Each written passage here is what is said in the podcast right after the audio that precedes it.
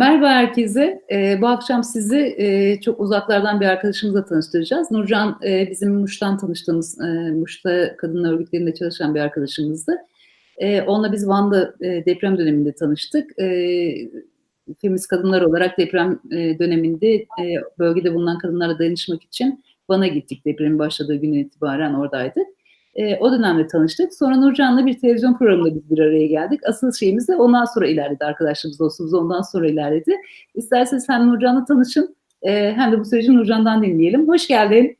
Merhaba, hoş buldum. Biliyorsun işte ben bir yıl boyunca deprem sonrası e, psikososyal çalışmalar, yardım vesaire çalışmalarında yer aldım e, Van'da. E, Muş çok yakın olduğu için e, şey yapabildim, aynı gün oraya gidebildim ben. E, ama ilk gün işte otobüsle falan gitmiştik böyle bayağı bir e, büyük bir gruptu. Sonrasında Türkiye'nin her yerinden e, feminist kadınlar e, destek oldu. Çok güzel bir e, deneyim oldu benim açımdan. Tabii ki olayın kendisi e, çok kötü. E, fakat e, Türkiye'deki kadın e, gücünü de görmemizi sağlayan bir şeydi, dönemdi o. O dönem için şeyi söylemeyi isterim. Ee, mesela bütün süreçlerde kadınlar olarak çalıştık. Çadırın kurulmasından, işte arabanın kullanılması, diğer kadınlarla iletişime geçilmesi ki çoğumuzun işte Kürtçe bilmediğimiz için dil problemi vardı. Ee, diğer kadınlar onlara rehberlik etti falan. Benim bunu çok yükselten bir şeydi. Kadın hareketine dair o kadar moralin düşük olduğu, o kadar e, zor koşullarda biz yine bir arada olmayı becerebildik. E, ve gerçekten bir kez daha şey dedirtti bana o süreç. Kadınlar birlikte güçlü gerçekten dedirtti. Kesinlikle, kesinlikle. Başka bölgelerden gelen birbirini hiç tanımayan kadınlar bir arada durarak bir sürü kadına dayanışma gösterdi. Çok özel ve çok güzel bir dönemdi benim için. Yani çok zordu, çok e, aynı zamanda çok üzen bir süreçti e, hepimizi. Ben Van'dan döndüğümde oradaki çaresizlik yüzünden uçakta çok ağladım mesela. Yani hani geride bu insanları bıraktık ama hani nasıl olacak, nasıl toparlanacak herkes çok e, kötü durumda falan diye. Ama bir taraftan da o kadar mutsuz dönmeme rağmen oradaki şey e, hali, kadının bir arada durma hali bana çok iyi gelmişti. Çok da güçlendirici bir e, süreçti benim açımdan. Çünkü şey hani de, depremin ilk gününde orada olduğumdan dolayı e, maalesef çok kötü sahnelere de tanıklık ettim. İşte e, hiç ilk yardım eğitimimin olmamasına rağmen e, ceset çıkarmak durumunda kaldım. O yardım ettim en azından. E, ve sonrasında da işte psikolojik olarak çok e, kötü ruh halinde olan e, kadınlarla dayanışmak, çocuklara destek olmak. Yani tamam kadınlarla çok uzun süredir çalışıyorum, öyle ya da böyle bir deneyimim var ama çocuklarla birebir çalışma deneyimim yoktu. O süreç hani benim açımdan da çok öğreticiydi. Bir yandan da tabii ki zordu. O duygularla baş etmek, e, o süreci yönetmek, e, bireysel olarak e, çok kötü bir durumda olma e, olmama rağmen başka insanlarla dayanışmaya çalışmak e, hakikaten zordu. Hı hı. E, ama e, bir yandan da işte Türkiye'nin dört bir yanına kadınlar geldi ve çok güzel dostluklar da kurduk sonrasında seninle olduğu gibi. E, sonrasında bireysel olarak yaşadığım problemlere bile e, destek sağlayan bir sürü dostum oldu hayatımda. Do you want to introduce yourself? Who is this? Oh, they uh, they are from Turkey, and I don't know. That's okay for you. Hello. See my oh. Hi. How are you? Fine. fine. And you? Oh, I'm doing fine. Yeah, we yeah. have a beautiful day here, and uh, it's These are your friends. So this is uh, actually so of uh, interview right now. Oh, I'm yeah. interrupting. No, that's just uh, I want to. That's okay. Okay, no problem. okay, and and where are you physically? Are you? Yeah, are you... living in Latvia in Riga. You're in Latvia. Yeah. yeah. oh, I've always wanted to go. oh, we, yeah we had a friend when we were living in uh, West Africa in Cameroon, and he uh, had been a Peace Corps volunteer in India. So he spoke Hindi, yep. but his family had emigrated to the United States from Latvia.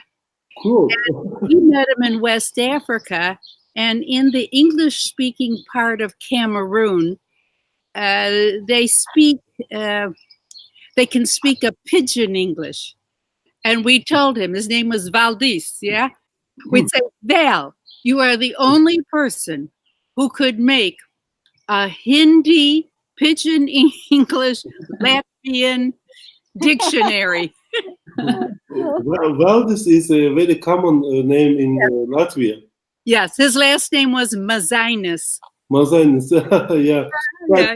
That kind of uh, uh, naming are uh, very usual in Latvia. It was very interesting for us in our first time in Latvia. So Uldis, Valdis, uh, Yes. like this, uh, ending with S is uh, very uh, common names in. Well, they often end in IS, the family name. Yes, yeah, yeah. yeah. But he grew up in Chicago. anyway, he learned Hindi, and he his mother would write to him in Latvian, Ah, interesting. Ha, so he could read, even though he went to public schools in English in Chicago. But he must have gone to Saturday school. and. Okay, go ahead. nice to meet you. Türkiye kültürüne bayağı hakim, hatta siyasetine bayağı hakim. Bazen buraya adapte olma sürecimde çok zorlandığım e, zamanlarda şey haberleri takip etmeme kararı aldım. Hani psikoloğum da onu önerdi. E, şey yapıyordu. İşte sabahları bana özet geçiyordu. Türkiye'de şu oldu, şu oldu, şu oldu diye. Ya ben haberleri ilk taşındığım dönemde e, Mehtap'tan alıyordum ve Mehtap'a sürekli olarak uyarıda bulunuyordum. Ne olur lütfen. Söyle. E, Muş'tan Washington DC'ye e, buradan buraya uzanan bir hikaye var. Biz çok alıştık hani İzmir'den, İstanbul'dan, Ankara'dan, Bursa'dan bilmem e, buralardan çıkıp gidip oralarda hayat kuran insanlara tabii hani arada green card bilmem ne üzerinden hayat kuranlar da var ama senin hikayen biraz daha farklı. Benim Muş'tan Washington DC'ye gelmem biraz tesadüfler, biraz da aslında e, sivil toplumda aktif olarak yer almamla da ilişkili bir süreçti. E, ya ben e, kendi ailemin içinde zaten e, radikal olarak bilinen e, bir kadınım. E, benim ailem değil Muş'tan DC'ye, e, Muş'tan tek başıma İstanbul'a gitmeme bile karşı çıkmıştı ilk dönemlerde. Ama bunu zamanla işte karşı çıktıkça, direndikçe, açıkladıkça, onlar benim yaptığım işleri gördükçe daha rahatladılar ve e, artık seyahatlerime karışmıyor hale geldiler. E, ben buraya taşınmadan önce de çok hani e, farklı ülkelere gidip bir süreliğine de olsa oralarda yaşamaya başlamıştım. Yurt, yurt dışı deneyimim e, vardı. Geziyordum buraya taşınmadan önce. Şimdi daha sabit bir hayata geçtim öyle diyeyim. Ben ilk buraya 4,5-5 yıl önce falan gelmiştim. Bir projenin koordinatörlüğünü yapıyordum. İşte conflict resolution ve toplumsal cinsiyet, sivil toplum, Türkiye'de sivil toplum ve Amerika'da sivil toplum işte karşılaştırmalar vesaire üzerine Georgetown, Hasna ve Muş Kadın Çatısı Derneği'nin böyle e, beraber yürüttüğü bir projeydi. Türkiye'den aktivistler, e, akademisyenler onlarla beraber geldik. O zaman ben şey dedim ya ne kadar güzel bir yaşam var burada. İnsan düşünülerek yapılmış. E, aynı zamanda doğaya da saygılı bir e, ülke e, diye düşündüm. Çünkü yolda, sokakta yürürken e, sincapla, tavşanla karşılaşıyorsun. İşte köpeklerle insanlar çok iç içe. E, senden korkmuyorlar, yanından geçiyorlar falan. Bana çok iyi gelmiş, çok iyi hissettirmişti. O dönem şey dedim ya ben buraya e, okumaya falan gelebilirim işte eğitim tamamlamaya buraya gelebilirim diye düşünmüştüm. Aradan birkaç yıl geçti. Sonra e, Türkiye'deki yaşam koşullarım da biraz değişti. İşte e, biliyorsunuz e, dernek kapatıldı. İşte e, ben aynı zamanda e, küçük çaplı bir iş kadınlığı e, pozisyonundaydım Türkiye'de. Peki ne kadar oldu Nurcan gideli? E, tam olarak iki yıl oldu. Dil durumun nasıldı? Yani dil konusunda Ya e, dilim çok iyi değildi işin açıkçası. Burada e, geliştirdim. E, ya Afri- Güney Afrika'da bir süre yaşadım dilimi geliştirmek için. E, ama yeterli değildi tabii ki. Buraya geldiğimde bayağı dersler aldım. Hala da aslında bitmedi o süreç. Devam ediyor diyebilirim. Peki e, mesela oraya gelmeyi düşünen ve dil eğitimi al, daha önce almamış olan, dil çok iyi olmayan bir insan nasıl bir süreç bekliyor? Yani bunun için ne kadar bir e, masrafı olacak ya da nerelere başvurabilir, nerede dilini geliştirebilir? Ya da hiç kursa gitmeden orada dilini geliştirme gibi bir imkanı olur mu? Amerika çok pahalı bir ülke. Hı hı. Buraya hakikaten parası olan gelebiliyor. Parası olmayan bayağı bir sürünüyor. Ee, burada çalışan ve burada e, ortalama bir maaş alan insan için e, yaşam koşulları gayet iyi, alım gücü çok iyi. E, ama işte diyelim ki Türkiye gibi ya da işte Orta Doğu e, ya da işte para değeri Amer- dolarla karşılaştırıldığında çok daha düşük olan ülkelerden para geliyorsa o çok işi zorlaştırıyor. Mesela ben ilk geldiğimde Türkiye'den gelen parayla idare ediyordum. Bir kahve içtiğinde hesap ediyordum. O bu e, işte 6 dolar Türkiye ile karşılaştırsam ben 50 lira bir kahve mi veriyorum deyip o kahve böyle şeydi elimde tutup az az içeyim falan gibi e, bir duruma dönüşüyordu. Hakikaten e, öyle bir karşılaştırmaya girdiğinde e, hayat bayağı zorlaşıyordu benim için. Birincisi dil için gelen bir insanın bir yıl burada yaşaması gerektiğini düşünüyorum minimum. Teoride hepimizin bir şey var hani e, ne derler temeli var ama pratikte dili geliştirmek, konuşabilmek, gramerini vesairesini öğrenmek bir yıl gerektiriyor. Ortalama bir hesapla e, bir ayda 3000 dolar gibi bir gideri oluyor. Çünkü burada kiralar çok yüksek. İşte oda kiralayacaksan farklı ama e, diyelim ki bir arkadaşınla ev paylaşacaksın. E, 1500-2000 dolara yakın bir parayı gözden çıkarman gerekiyor. Benim bulunduğum ala- aslında yer çok pahalı bir yer. DMV e, alan diye geçiyor işte Washington DC'ye yakın olan yerler. E, yani tabii ki kalacağı eyalete de bağlı ama işte kirası, günlük gideri vesairesi e, 3000'i hemen hemen buluyor. 2500-3000 dolar arası bir gideri oluyor. Bizim kazandığımız birim euro, sizin kazandığınız birim dolar. Hı hı. Hani e, kazancının yüzde kaçıyla nasıl bir konforda yaşıyorsun, nasıl bir yaşantı yaşıyorsun? Tatlı bir e, American style bir ev diyeyim. Ha, güzel gerçekten çok sevindim. Bu da e, bahçe. Ketinin çok böyle zamanını şey geçirdiği bir bahçe. Maydanozlarım. Küçük bir Bir havuz da var. balıklarımız var işte şeyde. e, orada. Havaalanına ilk geldiğimde böyle e, şaşırmıştım. Çünkü Amerika'yı bu kadar yeşil beklemiyordum.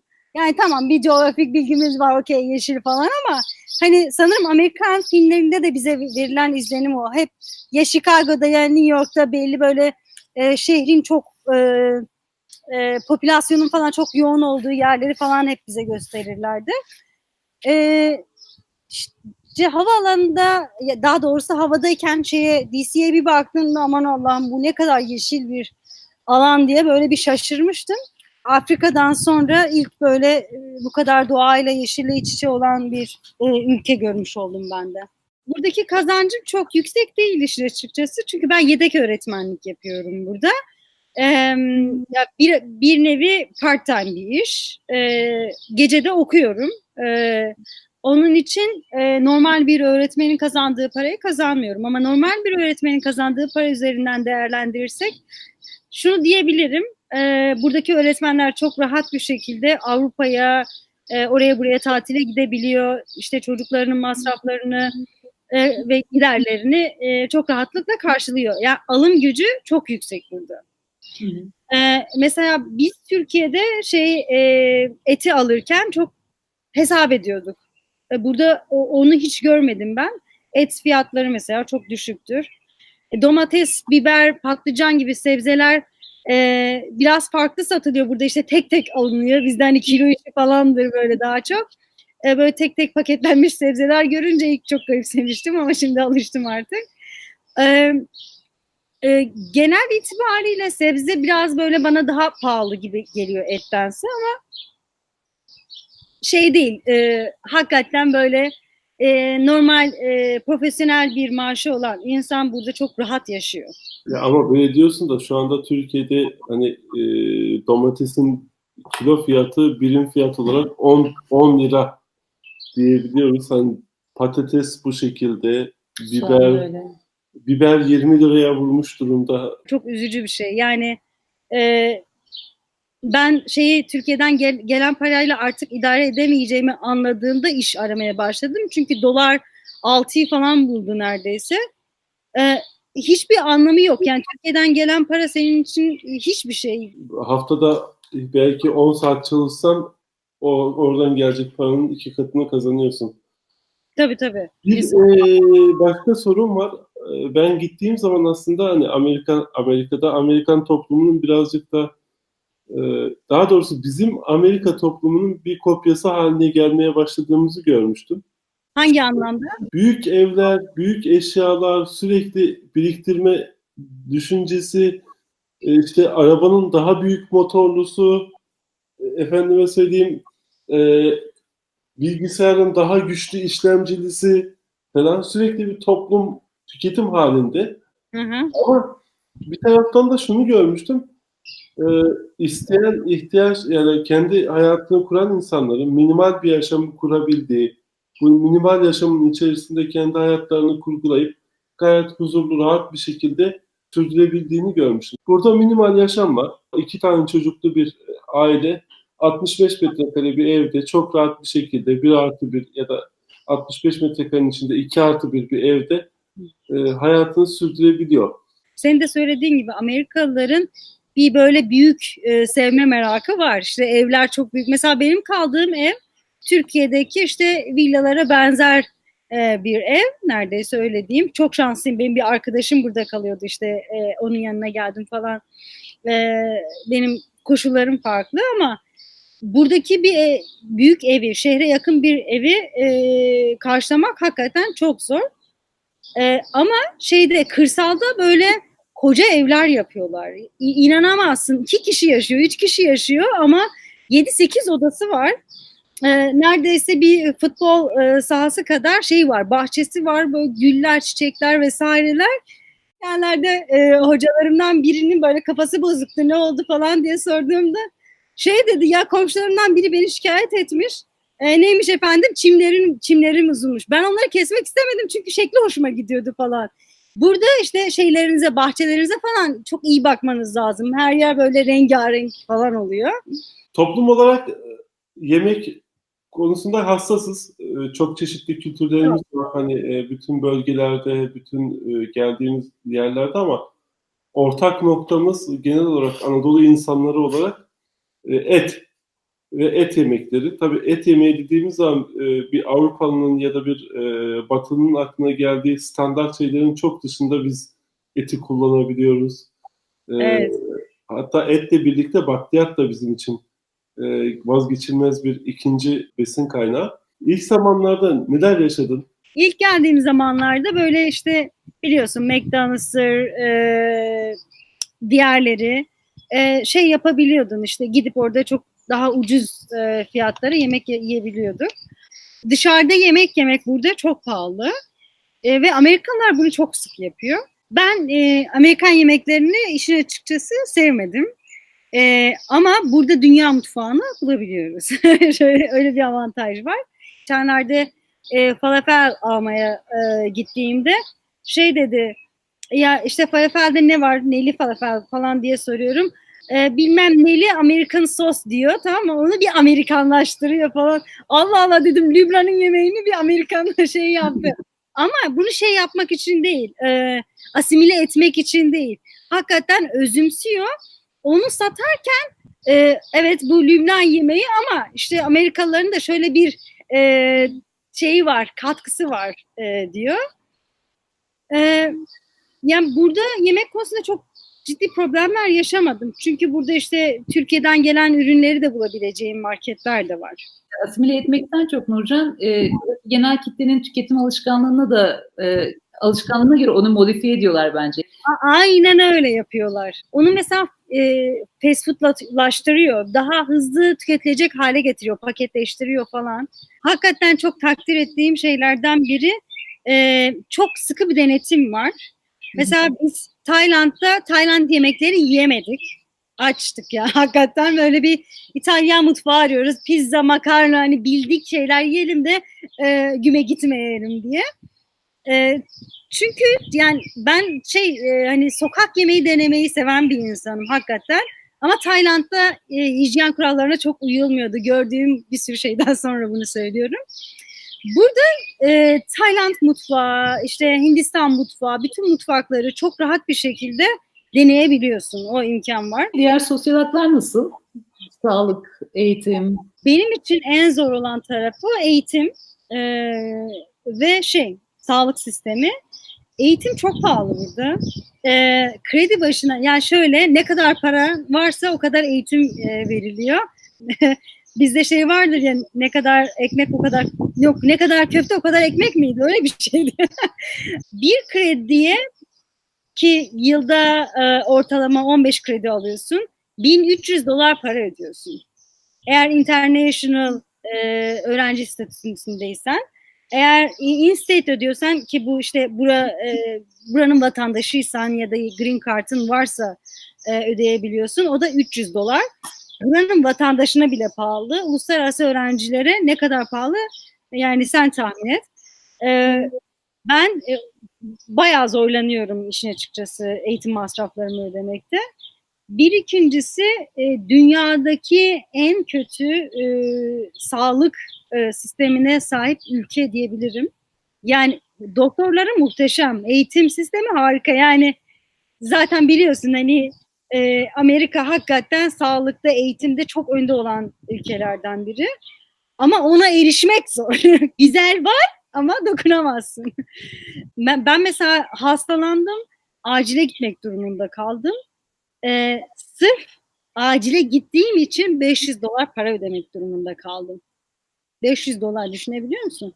Ev arkadaşım e, meme kanseri oldu maalesef. Bir operasyon geçirdi. Çok küçük bir operasyon. E, 20 bin dolar sadece o operasyon masrafı bir de sonrasındaki tedavi masrafları var.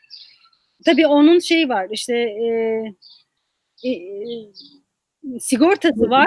E, sigorta e, her şeyi kapsadı. Çünkü çok iyi bir sigortası var hakikaten. Ama normal vatandaşın buradaki e, sağlık şeyini, giderlerini karşılaması çok zor. Bu e, Obama e, Care diye bir şey var. Onu da işte Trump politikasıyla düşürmeye çalışıyorlar. Çok az insan e, yararlanabiliyor ondan. Onu da kapat kapatmaya, iptal etmeye çalışıyorlar. Ya parasal olarak hakikaten zor bir ülke.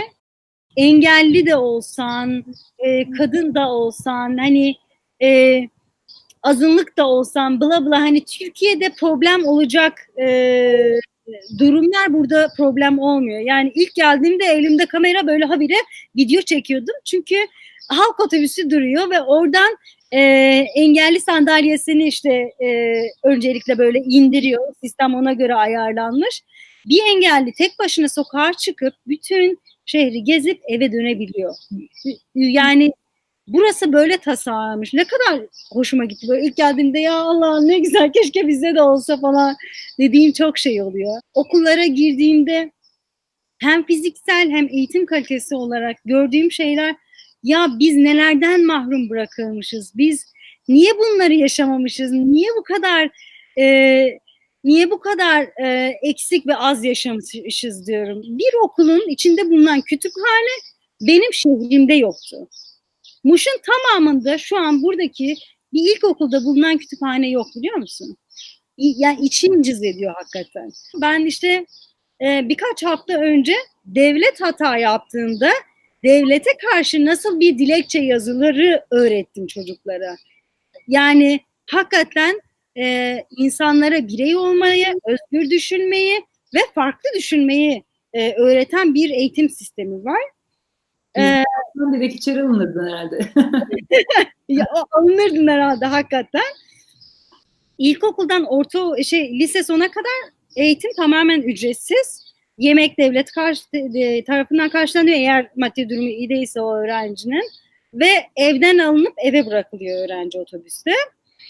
E, fakat işte li, şeyde liseden sonrası zor. Üniversite çok pahalı e, ve hiçbir şeyini devlet karşılamıyor. Böyle seni yalnız bırakıyor diyebilirim. Ama buranın vatandaşıysan işte bir şey var. E, Financial Aid diye bir e, bölüm var. Oradan e, işte sana de, devlet destek sunabiliyor.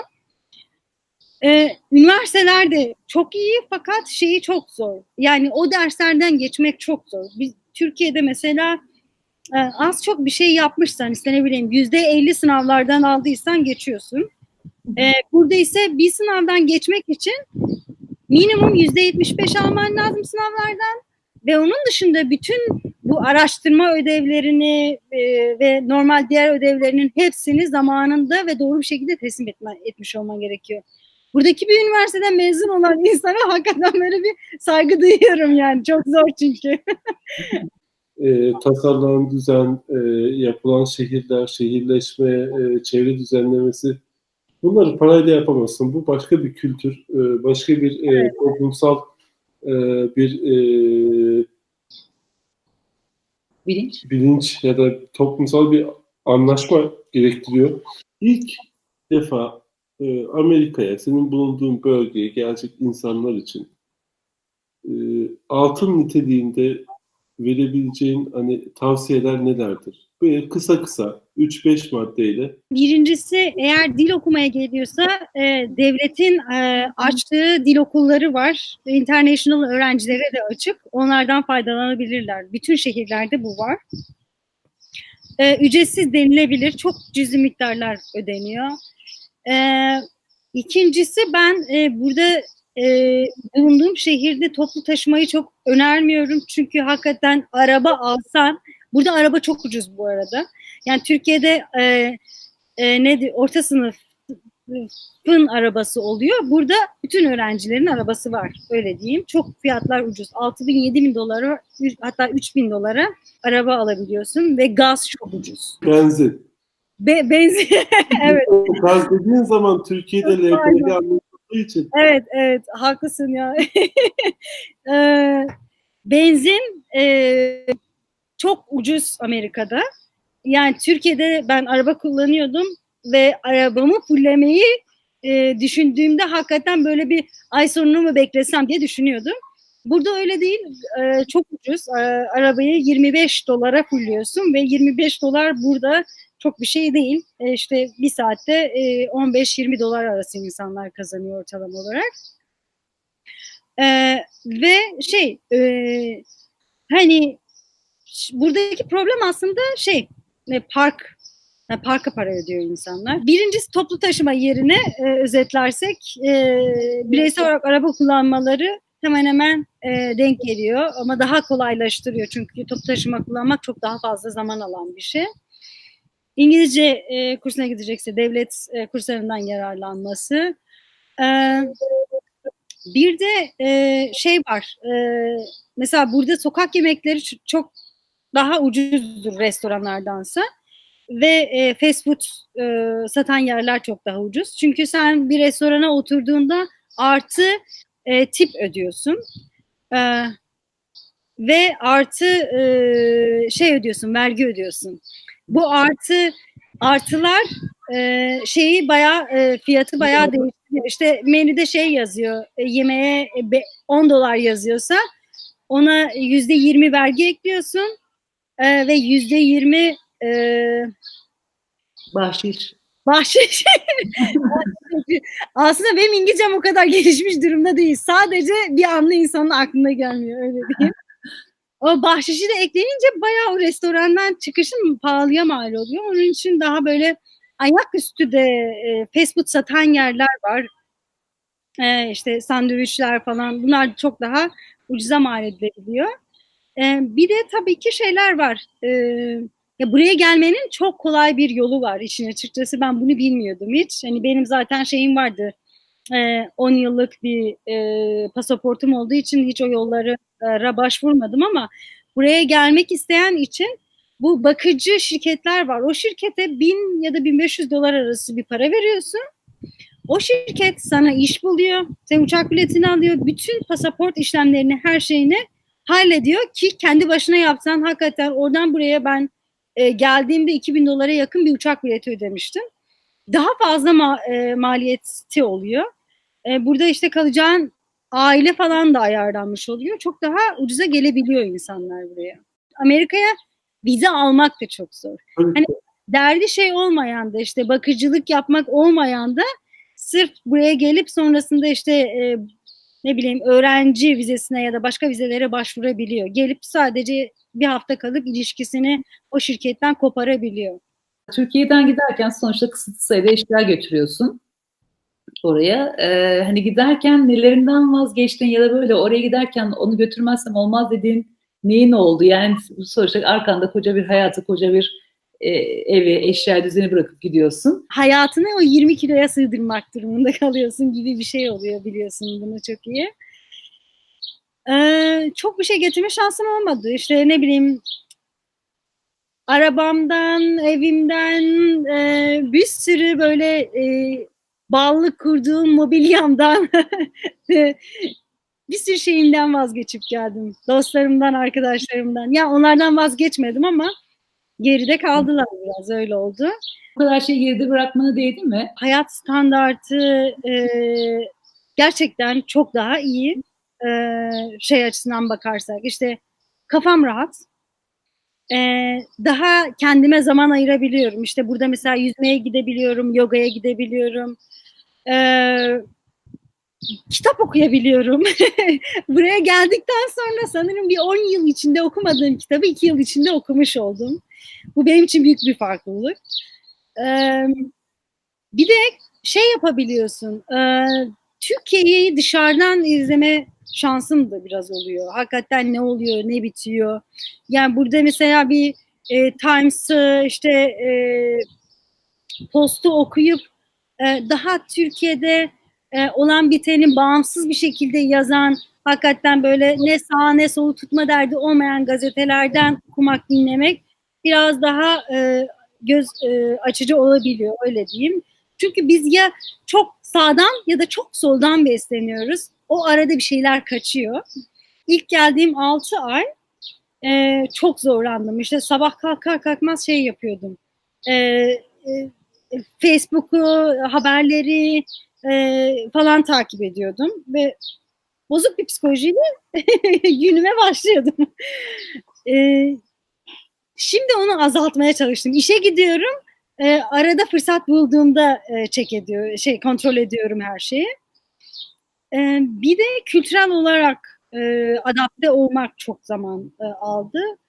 E, yani işte dediğim gibi yurt dışı deneyimi olan biri olmama rağmen uzun vadeli başka çok uzak bir ülkede yaşamak çok farklı. Yani bir Avrupa'da yaşamak gibi bir şey değil. Yani yani biraz Berlin e, şeyim oldu, deneyimim oldu, ne bileyim Güney Afrika deneyimim oldu. Burada zaman değişiyor. 7 saat aranda fark var minimum. Bazen 8 saat oluyor. Mesela bu da gece. Sizinle ayarlayabilmek için bayağı şey yaptık, efor sarf ettik. Ee, o o e, zamanı ayarlamak çok zorlaşıyor. Mesela sabah kalktığımda aslında Türkiye'de çok önemli bir şey olmuş ve bitmiş oluyor falan bazen.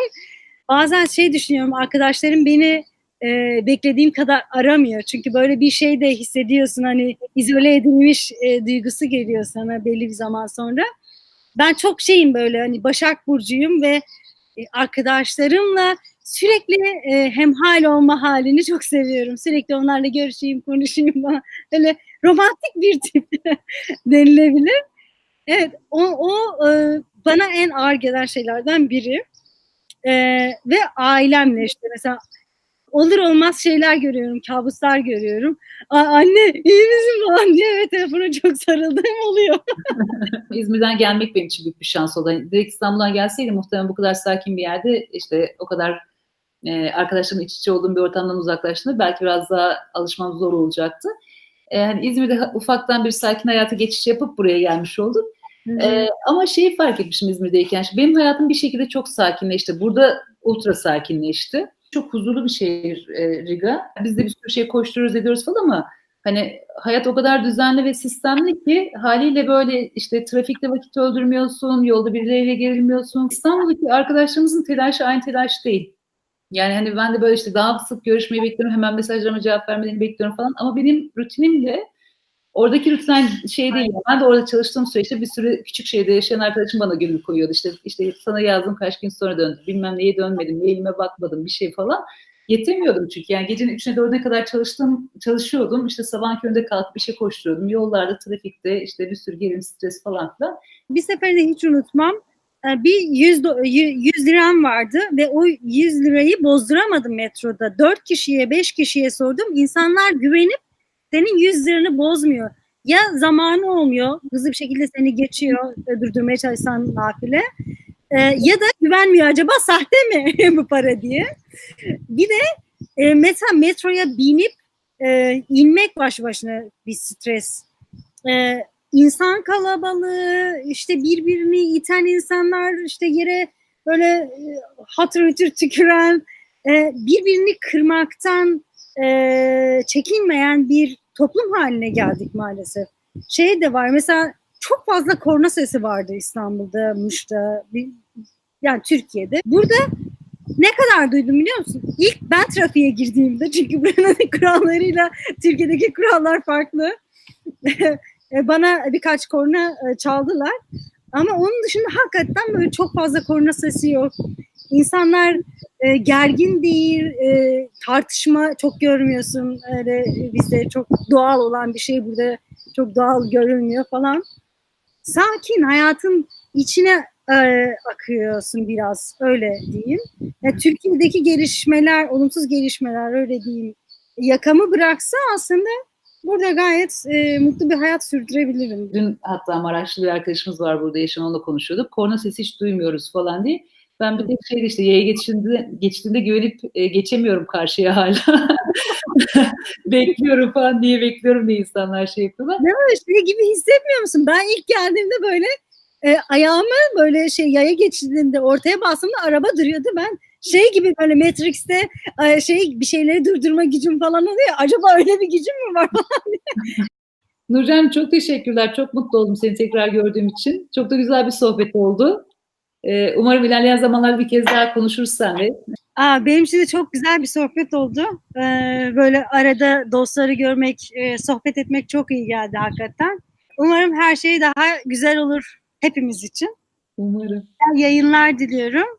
Ee, Avrupa e, şeylerinizi, programlarınızın hepsini izleyeceğim. Çünkü hakikaten ben de e, orada uzun süreli yaşam nasıl oluyor çok merak ediyorum. E, benim çok uzun bir deneyimim olmadı. Böyle seyahatler vesaireler oldu. Bir e, Almanya güzel geçmişti. Orada biraz yaşamıştım. Ee, çok da verimli bir şey. Ben hep böyle hep düşünüyordum hakikaten böyle bir program olsa e, güzel olur diye. Çünkü bireysel deneyimlemeden önce bir önceden gitmeden bir fikrin olmuş oluyor. Emeğinize, yüreğinize sağlık. Güzel arkadaşlarım. Çok teşekkürler canım benim. Her şey senin gönlüne göre olsun. Çok mutlu olduk gerçekten. Çok çok teşekkürler. Öpüyorum. Ben de. Bitirdik değil mi? Şimdi Fransa'ya gelme O ya zaman benim gibi tez canlı biriyle program yapmadan önce düşünecektiniz mi? ya e, Kürdün dediği gibi bir sakine. Parlamamız gerekiyor mu yoksa kesebilecek misin? Dur dur dur. Hele dur ben sana söyleyeceğim ha. İzleyicilerimize de bir çağrıda bulunalım. Kanalımıza abone olmayı, bildirim zilini açmayı lütfen unutmayın. Ee, gelecek videolardan haberdar olmanız ve bizim e, videolarımızı sizin gibi ilgilenen insanlara e, ulaştırmamız için hem abone olmanız hem beğendiyseniz e, beğen tuşuna basmanız önemli. E, şimdiden teşekkür ediyoruz yayını izlediğiniz için. E, yeni videolarda görüşmek üzere. Bu arada şeyi de duyuralım çok özür dilerim. Ee, artık Instagram ve Facebook'ta da sayfalarımız var. Ee, bir Avrupa macerası olarak biz oralardan da takip edebilirsiniz. Oraya da bekliyoruz. Görüşmek üzere diliyoruz. Diyoruz. Hoşçakalın. Adreslerimizi de e, yoruma atacağız. Evet. Soru sorabiliyoruz değil mi size oradan? Evet. Beğen video. Bitirdik değil mi? Senin bayağı zamanını alacak burayı editlemek ya bu videoyu. Aynen. Ne videoları Yani- editledik. Yani bir de bir arkadaşlarla oturduk içtik röportaj yaparken. Neydi konu, ne yapıyorduk falan kaydı gitti. ben arada gittim geldim marketten biralar alındı. Onlar şaraplar açtı falan. Yemek yaptılar. Metan mutfaktan bağıra bağıra konuşuyor. Öbürü orada. Diğeri sigara içmeye gidiyor. Biri tuvalete gidiyor. Ben böyle toplamaya çalışıyorum. Ya Mehtap gerçekten mucize yarattı o videoda. Oradan video çıkardım ben ama yani.